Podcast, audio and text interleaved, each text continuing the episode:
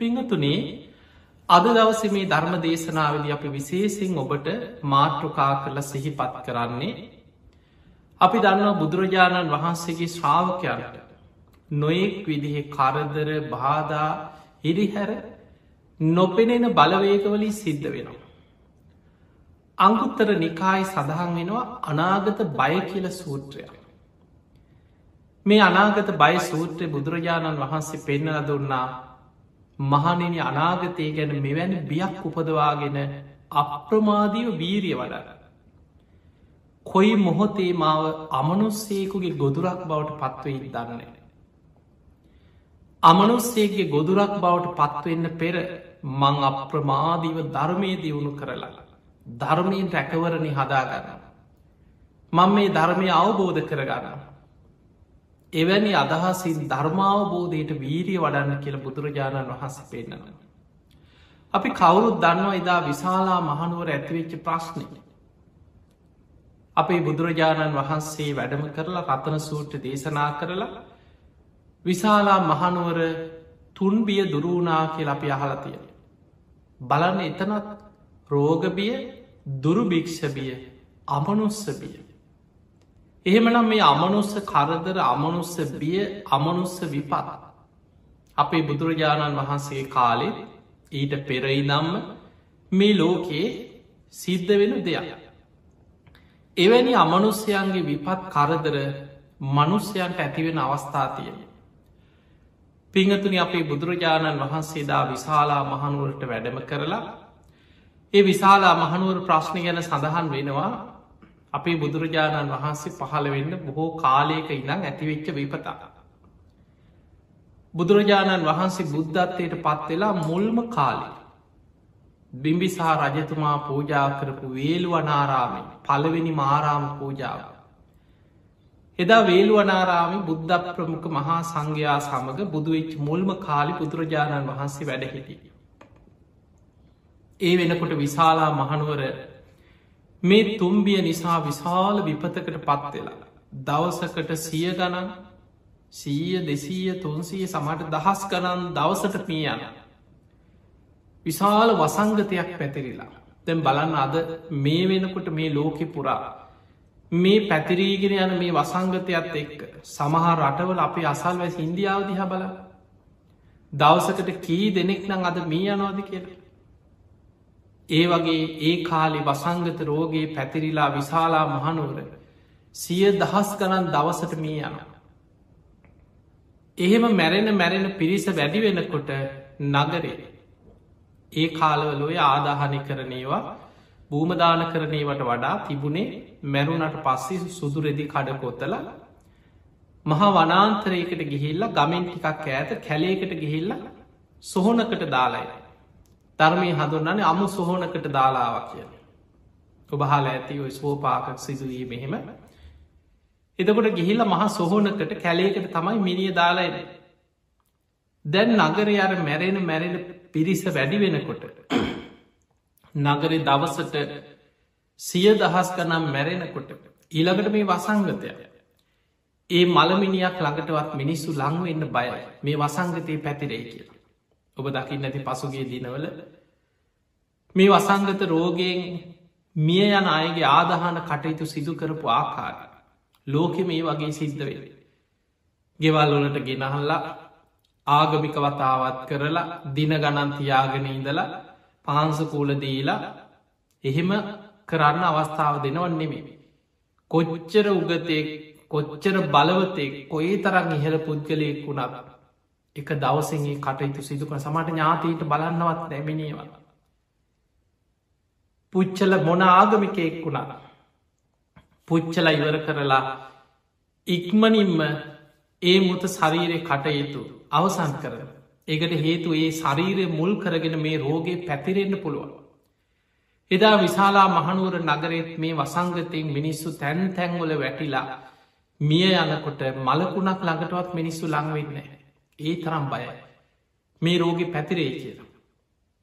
වේගෙන් ලෙඩේ පැතිරේගෙන යනකොට මුළුන් නගරේම හම අර මිනී කුණු වෙලා දුරුගන්දේ මුළු නගරේම මලමිනී කුණු ගන්ද පැතිරෙන්ට පටන් ගත්තා. යොදුම් ගනන් ඈතයි නමනුස්්‍යයක් නගරයට ආවකේ. අර මළමිනි වල ඕජා උරාබොන අමනුස්්‍යයෝ. ඒ ගන්දේ ආග්‍රහණය කරන අමනුස්්‍ය අමනුස්්‍යය කියන්නේ එක තමයි ඔවුන්ගේ ආහාර දැම්බලන් පනුව නැද්ද කියලම ඇගේ මිනිියක් කුණු වෙනකොට ඇගේම කොච්චර පනුවෝ මේ ශරීරෙම හටගෙන මේ ශරීරෙම කාදමනවද ඇඟ ඇතුළි. ඒ වගේ මේ මළමිනීවල දුර්ගන්ධය ආග්‍රහණය කරලා කුසපුරුවගන්න යොදුම් ගණන් ඇතයි අමනුස්්‍යය නගරයට ඇදුන කියන. ටික දවසක් යනකොට මුළු නගරේම මහා දරුණු අමනුස්්‍යයන්ගේ ගොදුරක් බවට පත් වුණ.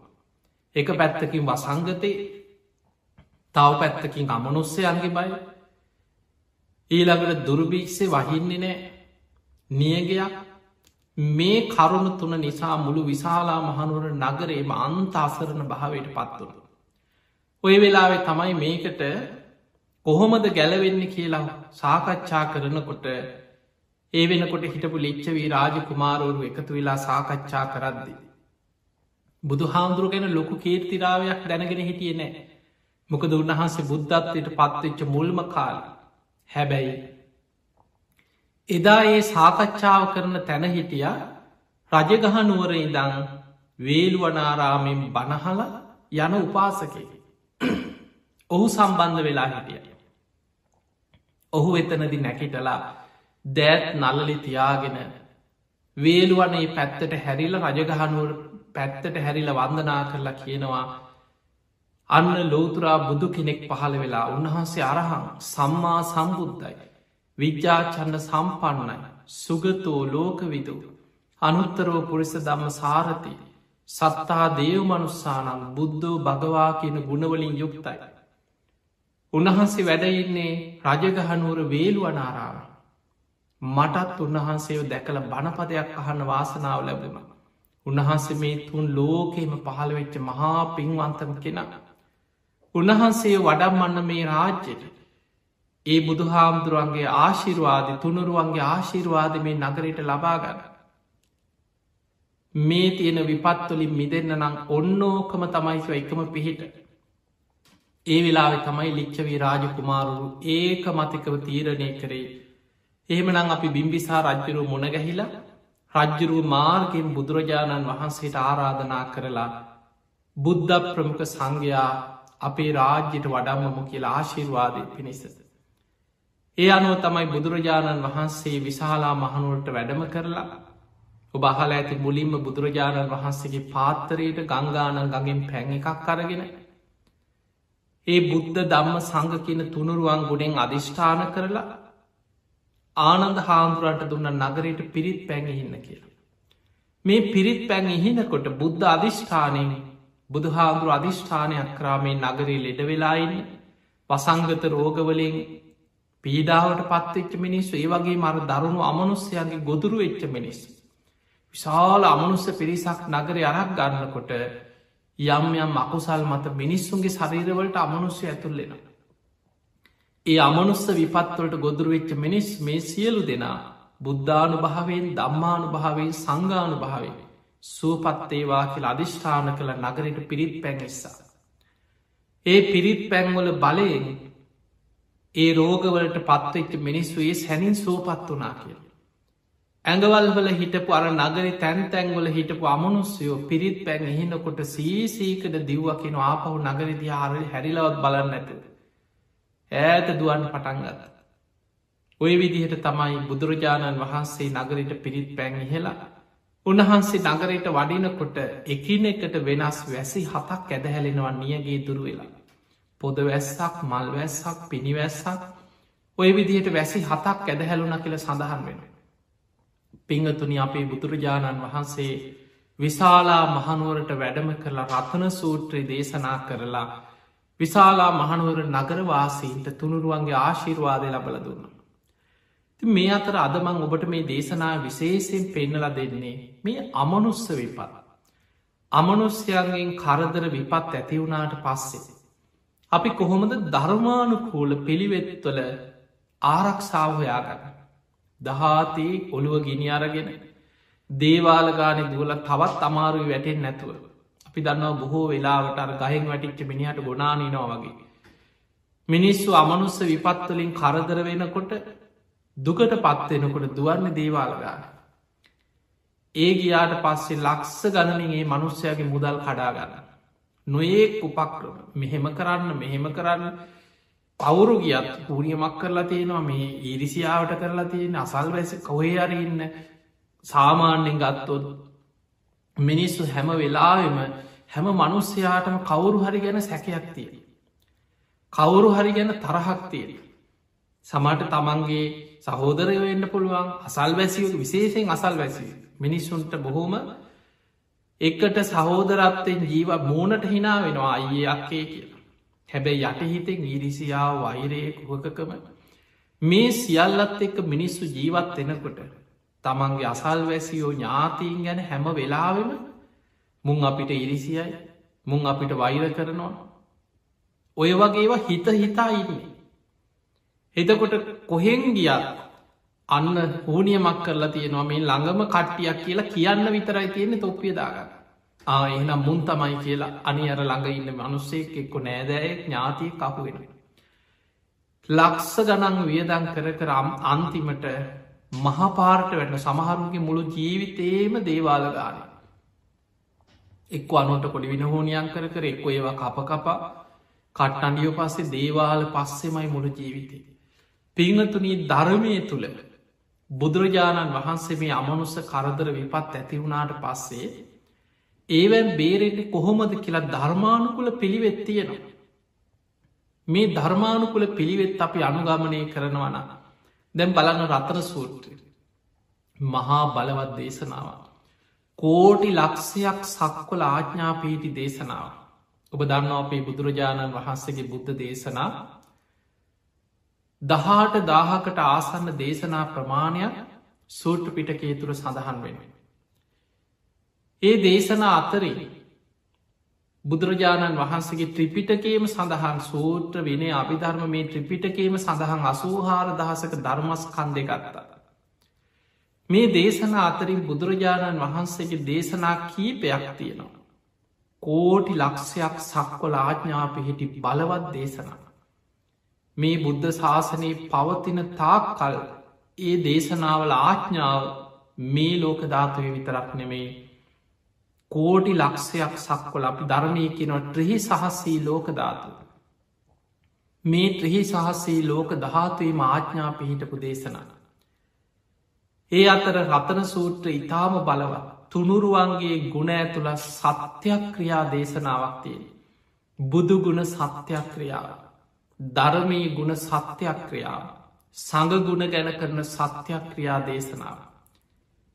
කෝටි ලක්ෂයක් සක්වල ආඥා පිහිටි බලවත්ම දේශනාව මේ රතන සූට දේශනාව බොහෝ දෙනෙකුට කටපාඩන් ඇති පිරිවාන පොත් වහන්සේ තුළ ගත්තත් බොහෝ බෝධි පූජා පොත්තල ගත්තත් ඕන තැනක ඔබට හොයාගන්න පහසුයි දහම් පොත් පත්වල. එතකොට මේ රතන සූට දේශනාවේ බුදුහාමුදුරුව මුල් ගාථාටික දේශනා කරත්. අවසාන ගාථා තුන සක්‍ර දෙවියන් තමයි දේශනා කරන්න.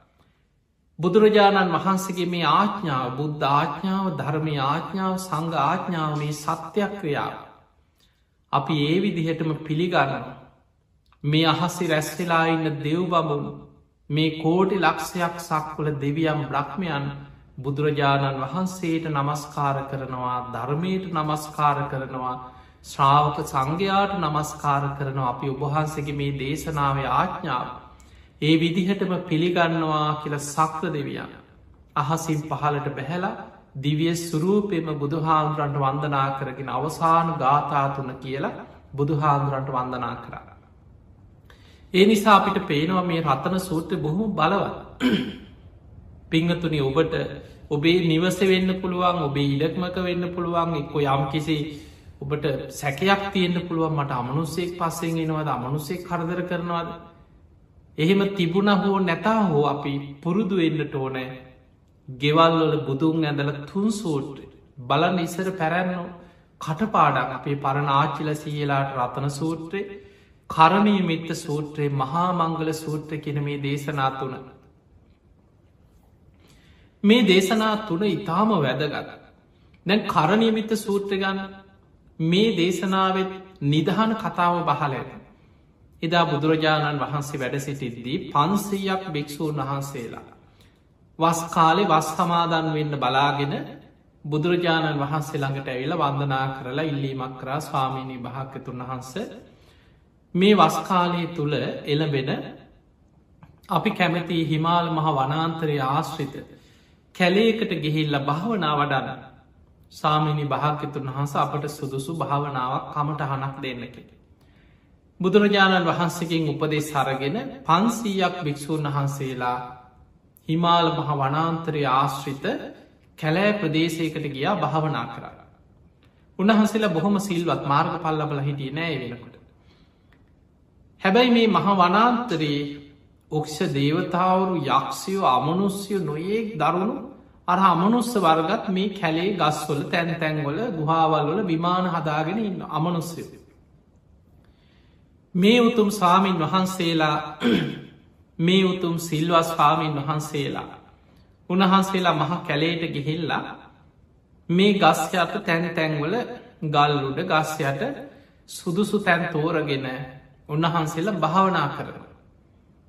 උන්වහන්සේලාගේ සීල ගුණයයි භාවනාවයි ගුණධර්ම නිසා හර ගස්වල ඉහල විමාන මවාගෙන ඉන්න මේ උක්ෂ දේව දෙවිවරුණත් ඔක්කොම සම්මාධිට්ටික නෙවේ. එතකොට මේ දේවතාවරුන්ට අර කැලේ ඉන්න යක්ෂයන්ට අමනුස්්‍යයන්ට ඉහල ඉන්න බෑ. ඒ අයි කල්පනා කර අපි මේ මහ වනාන්තරයේ කරදරයක් නැතුව නිදහස හිටිය දැම් මේ භික්‍ෂූන් වහන්සේලා පිරිසක් ඇවෙල්ලා මේ කැලේ ඇතුළේ භාවනා කරන්න ගත්තට පස්සේ අපිටක් කරදර. කොහොම හරි උන්වහන්සේලා මෙතනින් එලවන්න ඕන කියලා අර අමනුස්්‍යයෝ යක්ෂයෝ එකතු වෙලා මහා භයානක හඬ ඇති කරන්න පටන් ගත්ත. නොයි භයානක සබ්ද ඇති කරන. නොෙක් ඡායාවල් වගේ අර අමනුස්්‍ය පෙනී හිටිය.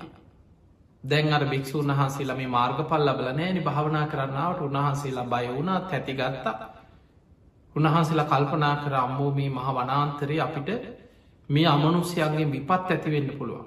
අපි ආපහු යම් බුදුරජාණන් වහන්සේ ළඟට කියලා ආපහුගිය.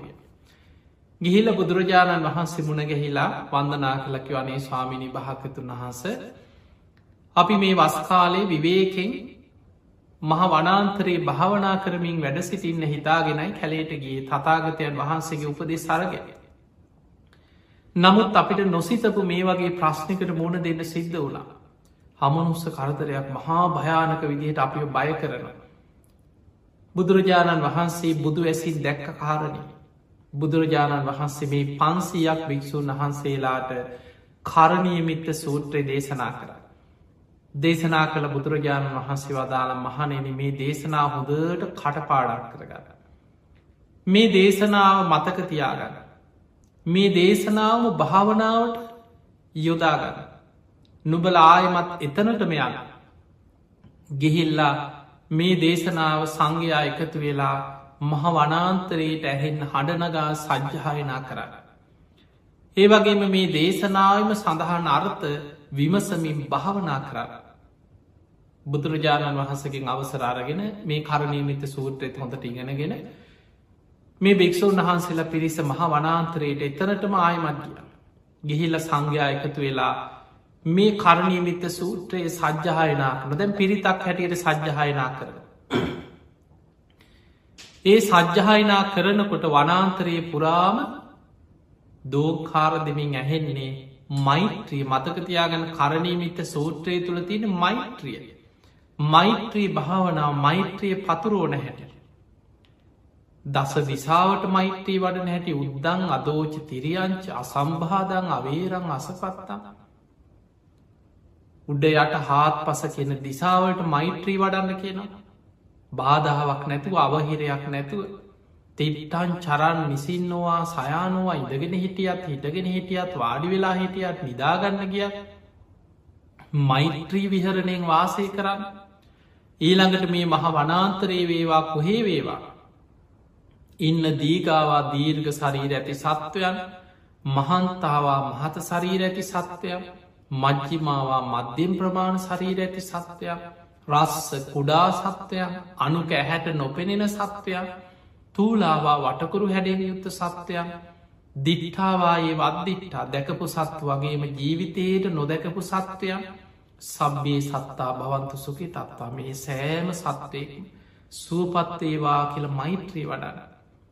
ඒ මෛත්‍රිය හරියට එකම දරුවෙක්කි නම්ම කෙනෙක් දිවි දෙවනි කොටේ දරුවව ආරක්ෂා කරගන්නවා වගේ. සියලු සත්වයන් ගැන මේ වැනි මෙත් සිතක් පතුරුව. ඔකතමයි කරණීමිත සූත්‍රයේ පුරාම තියෙන මෛත්‍රී. මේ භික්‍ෂූන් වහන්සේලා මහ වනාන්තරයට ගිහිලක් මෛත්‍රිය පතුරුවුණු කරණීමිත සූත්‍රය හඩනගා සජ්්‍යහයනා කරන. ඒ භාවනාවම මෛත්‍රියම භාවනාවක් හැටියට වඩන්න.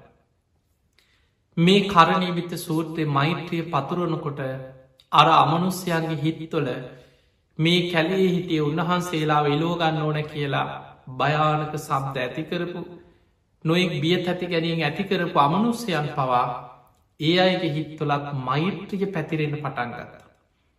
එකිනෙකා එකිනෙකා මෙත්තොඩන්න පටන් ගත්ත. ඒ මෛත්‍රී විහරණී මුළු අනාතරයේ පුරාම නොපෙනෙන අමනුස්්‍යයන් උක්ෂ දේවතාවරු යක්ෂයම් මේ හැමෝටම මෙත් සිත පැතිරිලාගෙන. ඒ කවරුවත් අර භික්‍ෂූන් වහන්සේලට ආහිරි හැර කරේ නෑ. බාධා කරේ නෑ. ඒ අය නොපෙනෙන විදිහට හරි පුළුවන් විදිහට උපකාර කරන්න පටන්ගන්න. මේ පන්සීයක් භික්‍ෂූන් වහන්සේලා භාවනා කරලා වස්කාලය අවසන් වෙනකොට උතුම් මිනිස් ගුණ ධර්ම දියුණු කරගෙන ධර්මාවබෝධය පවා ලැබ. එදකොට අපිට පේනවා මේ කරණින් මෙත් පැතිර මෛත්‍රය ගැන මහා පුදුම භාවනාව. කරණීමිත සූත්‍රය පුරාම තියෙන මෛත්‍රය රතන සූට්‍ර පුරාතියන තුනුරුවන්ගේ සත්‍යයක් ක්‍රියා. ඉළඟට මහාමංගල සූට්‍ර ගන්න මහාමංගල් මේ ලෝකයේ මංගලයයි සම්මත. යහපත් කියල සම්මත යමක් ඇැද. ඒ සියල්ල කැටිකරපු දේශනාව තමයි මහා මංගල සූට්‍ර. දැන් ඔබ දන්නවා මිනිස්සු සෙට් කවි කියෝනවා සෙඩ්ගාතා කියෝනවා ඒ සියල්ලට වඩා තියෙන බලවත්ම සෙට් කවිය තමයි සෙට් ගාථා බලවත්ම යහපත ලෝකයේ තියෙන සියලුම යහපත් දේවල් කැටිකරපු දේශනාව තමයි මහා මංගල සූත්‍රය. මෙන්න මේ තුනුරු මේ දේශනා ටික කරණය මෙත සූත්‍රය මහා මංගල සූට්‍ර රතන සූත්‍රයේ එදිනෙද අපේ මිනිස්සු හැමදාම බුදුන් ඇඳල තුන් සූට්‍ර කිව්ව. නිදාගන්න ගිහිල්ලා ගෙදර කට්ටියත් එක එකතු වෙලා හවස නිදාගන්න පෙර බුදුන් අදනවා. තුන් සූට්‍ර කියල. ඒ නිසා මිනිස්සුන්ට අමනුස්ස කරදර විපත්වලින් පවා විශාල ආරක්ෂාවක් රැකවරණය ඒ කාල මිනිස්සුන්ට ලැබුණ. ඒ නිසා පිංහතුනි ප්‍රධාන වසේ. ඔබ ජීවිතය මේ අමනුස්ස විපත් කරදරවලින් බේරෙන්න්න නන. තුන් සූට්‍රේ නිතර බුදුන් ඇඳලා පිරිත් කියන්න පටන්ගන්න. ඔබේ නිවසට ඉඩමට පරිසරයට ඉන්න අයට හැමෝටම විශාල ආරක්ෂාවක් සැලසෙනවා. ආයි වෙන අමුතු ආරක්ෂාවල් අවශ්‍යනය තුන් සූට්‍රය කියල. ඊළඟට පංහතුනේ ඉතාම වැදගත් දේශනා දෙකක් මේ මෛත්‍රිය ගැන. අමනුස්්‍යයන්ගේ විපත්තුලින් ආරක්ෂාවෙන ආකාරය ගැන ධර්මී සඳහන් වෙන. එක දේශනාවත් තමයි සංයුත්ත නිකාය සඳහන් වෙනවා කුල සූත්‍රය මේ දේශනාව නම. කුල සූත්‍රය.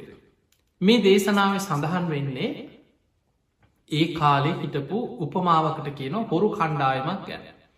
අපේ බුදු හාමුදුරු වැඩම වැඩ හිටිය කාලේ ඒ කාලෙත් ගම් පහරණ හොරු කොයි කාලෙත් ඉඳල තියෙනවා.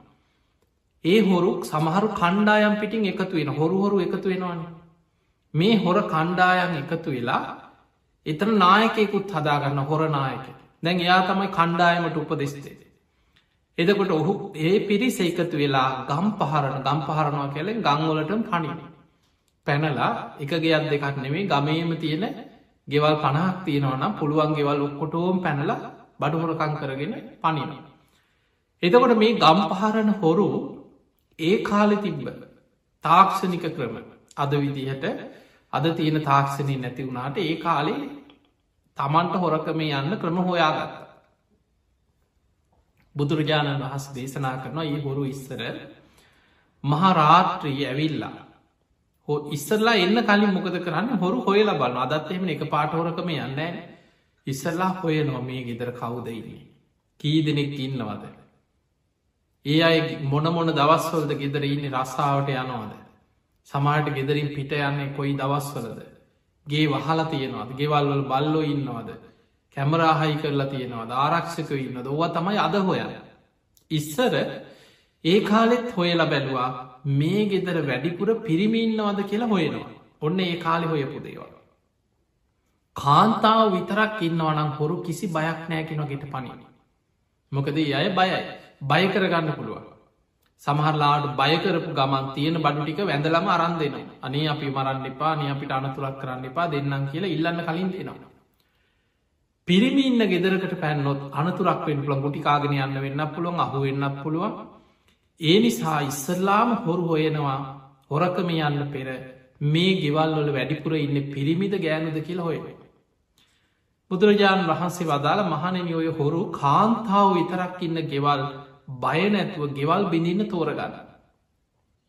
මේ හොරු ඉස්සරලාම කරන්නේ ඉස්සල්ලාගේ තෝරගෙන ජනේලයක් රෑගිහිල්ල කරුවලි ජනේලයක් ගලෝන ජනේලයක් බිඳිනවා.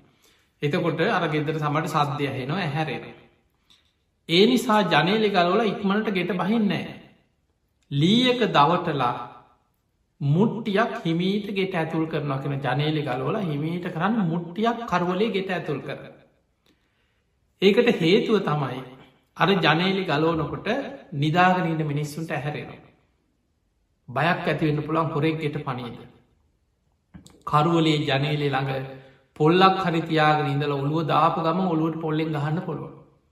අන්නේ නිසා මොකද කරන්න ඉස්සරලා ඔළුව දාන්න නැතුව ලීයක දවටල මුට්ටියක් ගෙට දා. එතකොට අර මුට්ටියට පොළු පාර වැදුන් නැත්නම් බය නැතුව ඔළුව දාලා ගෙට බහින්න පුළුවන්.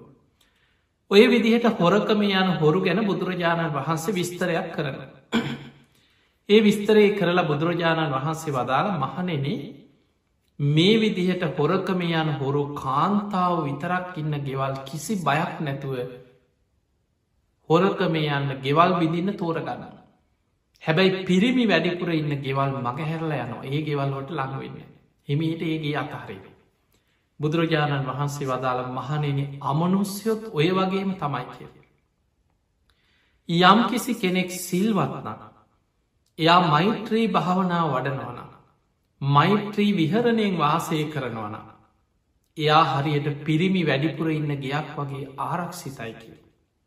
මහනෙන අර හොරු පිරිමි ඉන්න ගෙවල් විදින්නේ නෑ වගේ බයයි ඒ ගෙවල් මගහරිනවා. ඒ වගේ තමයිකිව අමනුස්යෝ. සිල්වත් මෛත්‍රිය වඩන මෛත්‍රී විහරණයෙන් වාසය කරන අය මගහැරල යනවා. අමනුස්සේ ඒ අයට කරදර කරන්නේ නෑකිව. අමනුෂ්‍යයෝ ඒ අයගේ ඇඟවල්ලෝට රිංගන්නේන්නේ. ඒ අයට අනතුරු කරන්න ලංවෙන්නේ. මෛත්‍රී වඩන කෙන ආරක්ෂිතයි. අමනුස්්‍යයේ අය මගහැරලා යනවා කියල බුදු හාමුදුරු පෙන්න්න. එහෙම පෙන්නල බුදුරජාණන් වහන්සේ මේක තියෙන කුල සූත්‍රයේ බුදුරජාණන් වහන්සේ වදාළ මහනෙන අමනුස්්‍යයන්ගෙන් ආරක්ෂාවෙන් අමනුස්ස විපත්වලින් බේරෙන්න්න නං මෛත්‍රී සිත වඩා. සිල්වත්තෙද මෛත්‍රිය වඩා. ඔන්න බලන්න බුදුරජාණන් වහන්සේ මේ අමනුස්්‍යයන්ගෙන් ආරක්ෂාවෙන්ට පෙන්න්නපු ක්‍රමේ. සිල්වත්වෙන එක. ඔබ දිවිහිමියෙන් නිති පන්සිල් රකින. පෝයිට උපෝ සසයක් රකින. නිති පන්සිල් රකිනවා පෝය දවසට උපෝ සතේ රකින. අන්න ගිහි ශ්‍රාවකයකුට තියෙන ප්‍රධානම ආරක්ෂාව. ඒක තමයි ජීවිතයේ තියෙන ප්‍රධානම රැකවරණ ආරක්ෂාව. ඔබ වෙන බාහිර ආරක්ෂාවල් මොනවා හයි කරගත්තා. තමයිට ඇගේ එල්ල ගන්න පුළුවන් පිටිං එල්ල ගන්න පුළුවන් බිත්තිවල එල්ලන්න පුළුවන් කැමරාහයි කරන්න පුළුවන්. නොයෙක් තාක්ෂණික දේවල් මොනව හයි කරගෙන හිටිය. අමනුස්්‍යයන්ගෙන් ඒවෙන් ආරක්ෂාවන්න බෑ. එතකොට සමහර වෙලාවට මිනිස්සු නොඒක් දේවල් වත්තේ වල්ලනවා මුට්ටි එල්ලනවා නොඒක් දේවල්. හැබැයි ඒ සියල්ලට වඩා ඔබටම ඔබ තුළින් ගොඩනගා ගන්න පුළුවන් ප්‍රබලම ආරක්ෂාව තමයි ඔබ සිල්වත්වෙන එක. නිති පන්සිල් රකින්න. පෝයිට උපෝ සත සීලයක් සමාදන්නේ. විශාල ආරක්ෂාව. ඊළඟට ඔබේ ආරක්ෂාව තව බලවත්වෙනවා මෛත්‍රිය වඩනවන. ඒ ආරක්ෂාව තවත් බලවත්වෙන. බුදුරජාණන් වහන්සේ වදාළ කෙනෙක් මෛත්‍රී විහරණයෙන් වාසය කරනවා නම් මෛත්‍රිය වඩනවන අමනුස්්‍යයෝ ලංවෙන්නවත් නෑකි. අමනුස්්‍යය යාගෙන් මක හැරල ඇතින් යන යාට ලංවෙන්න යා මක හරින අමනුස්්‍යය. ඔන්න අමනුස්ස විපත්වලින් ආරක්ෂාවෙන්න්න නම්. කෙනෙකුට අමනුස්්‍යයන්ගේ කරදර විපත් තියෙනවනම් ඒවැන් ආරක්ෂාවන්න තියෙන ප්‍රධානම ක්‍රමේ තමයි මෛත්‍රය වඩන එක සිල්වත්වෙන මේක තියෙනෙ කුල සූට්ට ඔන්න පිංහතුලි තවත් දේශනාව මං මේ දේශනා ඇසුරේ මෝබට පෙන්න්න එතකොට තේරුම් ගන්න පහසුයි. මේක තියෙනෙ සත්ති කියන සූට්‍රය සංගත නිකායිතින සත්ති කියල සූට්‍රය කන්නේ දේශනාව සඳහන් වෙනවා. සත්ති කියන්නේ තියුණු ආයුදී බුදුරජාණන් වහන්සේ උපමාවලින් තමයි ගොඩා කාරණ අපිට පැහැදිලි කරල පෙන්නන්න. බුදුරජාණන් වහන්සේ වදාළ මහනෙනේ දෙපැත්ත කැපෙන ඉතාම තියුණු ආවිධයක් තියෙන මේ ආවිදේ දෙපැත්තම මුවහත් දට කැපෙන ආයුධයක්. මේ තියුණු ආයුදෙන් කවුරු හරි දැන් හොදට දෙ පැත්ත මැදල තියෙන තියුණු ආවිදේ කවුරු හරි අනුවන පුද්ගලයෙක් කැවිල්ලා මං මේක පොඩි කරනවා මං මේක තලනවා මං මේක මුවහත නැති කරනවා ඕම් බලාපං කියල කවුරු හරි ඇවිල්ල හර දෙපැත්ත කැපෙන තියුණු ආයුදේ මුවහත අතින් අරගෙන මේ අඹරනවා තලන්න හදනවා පොඩි කරන්න හදනවා අතින් අල්ලගෙන බුදුරජාණන් වහන්සේ හනවා මහනෙන මේ තියුණු ආයුදේ අර කැපෙන පැත්ත අතින් අල්ලගෙන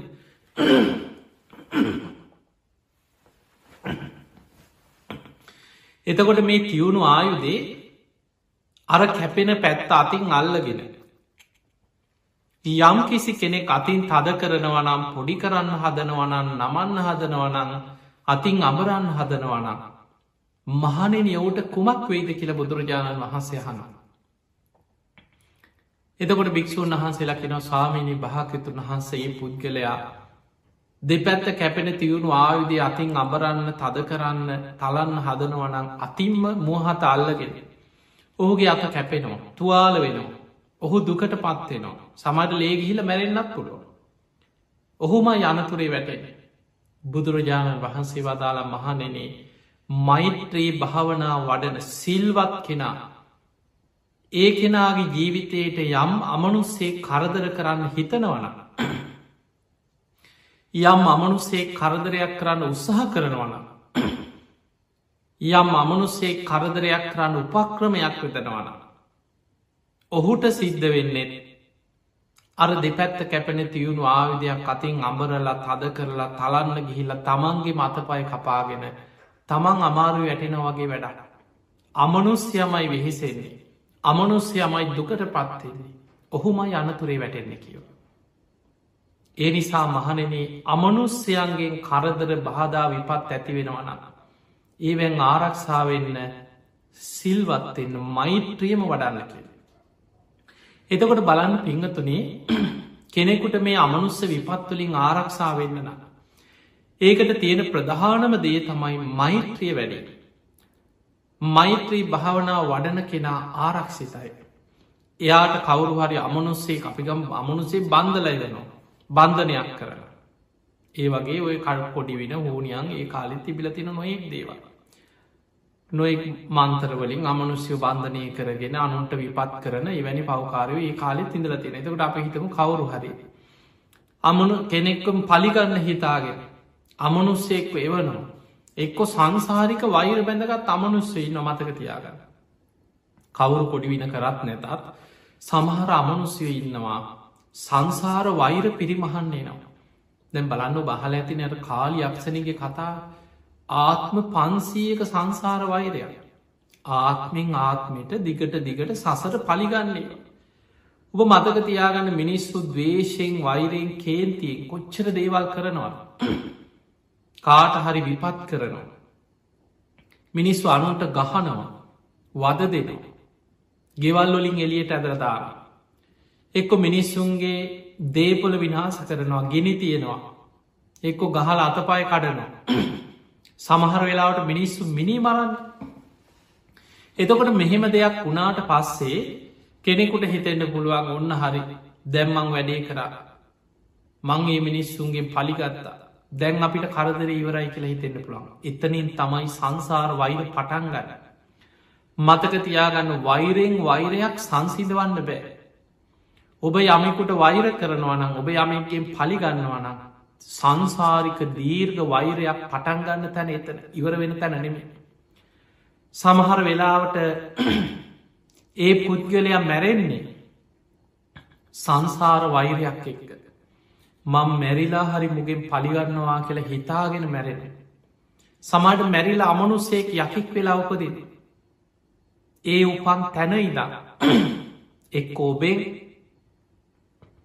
එහෙම නැත්තං ඔබේ දරුවෙක්ගේ ඔබේ ලේඥාතියෙක්ගෙන් කාගෙන් හරි පලිගන්න බලාගෙන මේ අමනුස්්‍ය අර වෛරයේ පිරිමහන්න පස්සෙන් එෙනවයිට පස්ස. ඒකට සම්බන්ධ වෙච්චාය උදව්පකාරදීපු අය ඒවට උදව් කරපු අයි සියලු දෙනාට දිගට දිගට ඒ විපත්වලට මෝන දෙන්න සිද්ධ වෙන. පිංහතුනි ඔය විදිහට සමහර අමනුස් ඊළඟට උපවපං ආත්ම භාවල පස්සෙන්ගෙන අමනුස්සේ අපිට පේනවා කාලි යක්ෂණීගේ කතාව ආත්ම පන්සීයක සංසාර වෛරය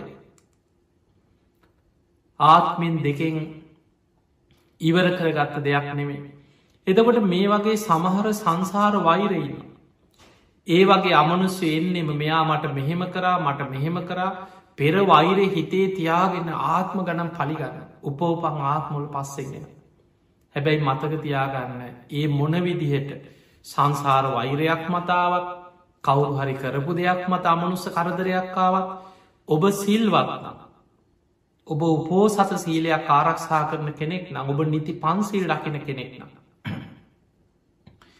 ඊළඟට ඔබේ ජීවිතය තුළ ඔබ මෛත්‍රිය වඩන කෙනෙක් නම් ඔබ නිතර තුන් සූත්‍රය බුදුන් ඇඳන තුනු දෙවියන්ට පින්දීලා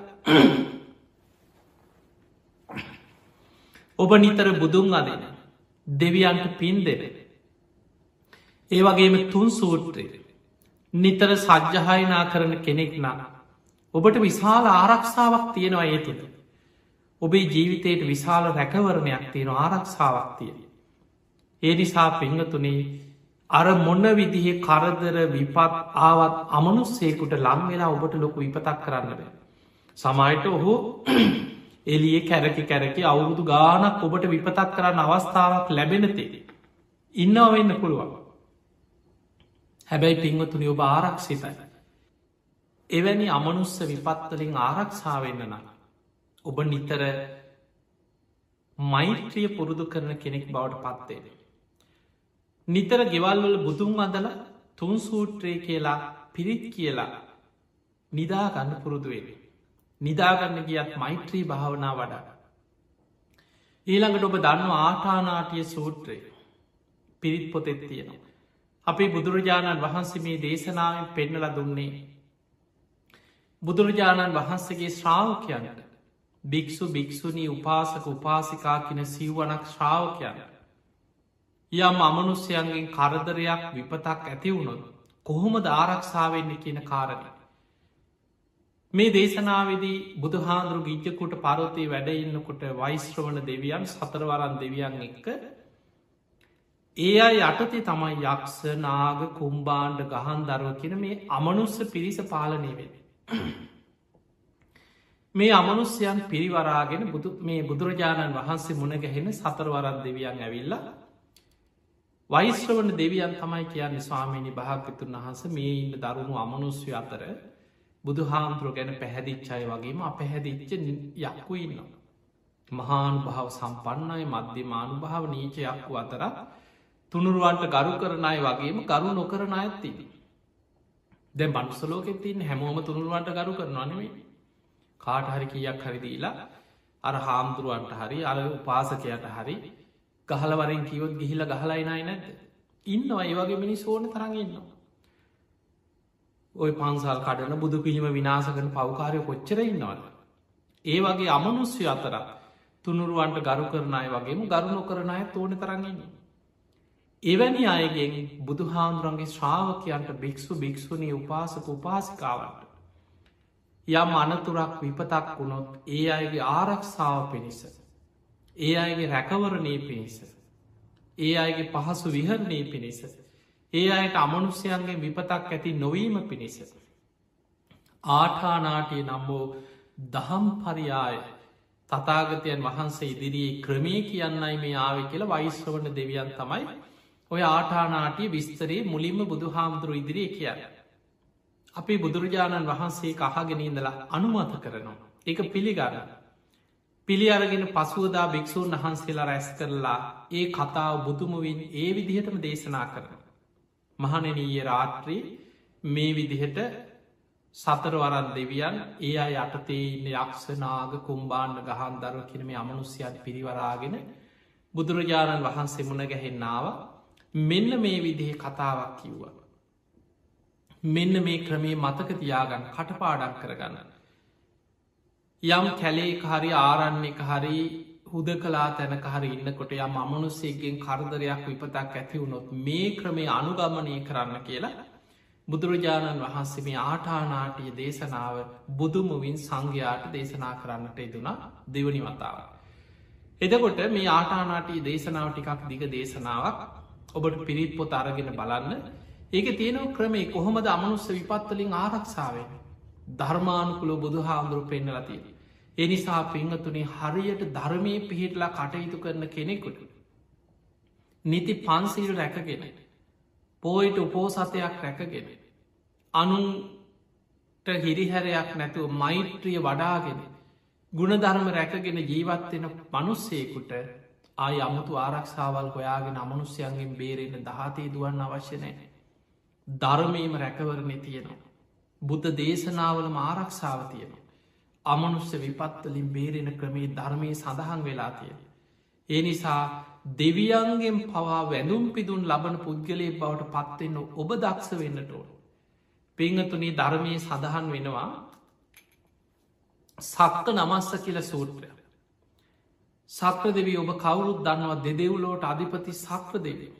දවසක් මාතලී කියෙන රතාචාරයවරයට කෙන මාතලී මට නන්දන වනයට යන්න දිවිය රතේ චුට්ටක් සූදානන් කරන්න කියලා. සක්‍ර දෙවියන්ගේ දිවිය රතේ. ඒ වෙලාවේ දැන් මේ දිවිය රතේ සූදානන් කරන අතරේ මාතලී බැලුව සක්‍ර දෙවියන් ටිකක් පරක්කුයි මොකද මේ කියල බලන්නකොට සක්‍ර දෙවියන් මනුලොව දිහාවට හැරිලා වන්දනා කරනවා. මාතලී රතාචාරවරය බලාගනිත ලහනවා සක් දෙවිදුනේ දෙදෙවුලෝට අධිපති සක් දෙවියන්ට සතරවරන් දෙවියනුත් වන්දනා කරන. මේ තවතිසා දෙවියන් පමණක් නෙමේ බොහෝ දෙවි දේවතාවරු බල සම්පන්න දෙවරු පවා සක්ව දෙවියන්ට ගරු කරන වන්දනා කරන. ඒ තරම් මහා බල සම්පන්න සක්‍ර දෙවියන් මනුලවට හැරිල කාට දොය වන්දනා කර. ඔබෙන් වැඳුන් ලබන්න මනුලොව කවුද ඉන්න කියලාහන්න. ඒවෙලේ සක්‍ර දෙවියන් ගාථා දෙකකින් කියන පළවෙනි ගාථාවෙන් කියනවා මාතලී මනුස්ස ලෝකයේ ඉන්නවා සීල සමාධි ප්‍රඥා වඩන. බුදුරජාණන් වහන්සේ වදාළ ධර්ම මාර්ගය අනුගමනය කරන. නිවන් මග ගමන් කරන පැවිදි භික්‍ෂු භික්‍ෂුණින් ඉන්නවා මනුලෝ. ඒ අයට මගේ පලවෙනි වන්දනාව ඒ අයටයි මං මනුස්ස ලෝකට හැරිල වන්දනා කර.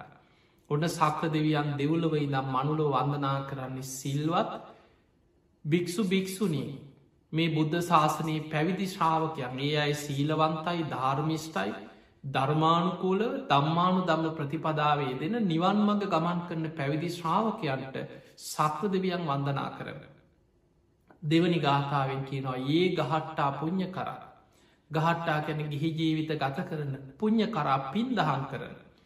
සීලවන්ත උපාසක සිල්වත් උපාසක උපාසිකාවන්නන්නවා. දම්මේන දහරම් පෝසින්තිය අයි ධාර්මිකව ජීවත්වෙනවා. ධර්මිෂ්ටව තමන්ගේ අමුදරුවන් පෝෂණය කරනවා. ධර්මානුකුලෝ ගිහි ජීවිත ගත කරනයි තන් නමස්සාමි මාතලි මාතලී ඒ අයටත් මං මනුස්සලෝකෙ දිහාාවට හැරිල වඳනවා. අන්න බලන්න ගිහි ජීවිත ගත කරා. දෙවියන්ගෙන් පවා වැදුම් පිදුන් ලබන කෙනෙක් බවට පත්වෙන්න පුළුවන් ඔබට. ඒ නිසා පින්වතුනේ දෙවියන්ගෙන් පවා වැදුම් පිදුන් ලබන කෙනෙක් බවට පත්වෙන්න ඔබ දක්ෂ වෙන්නටෝ.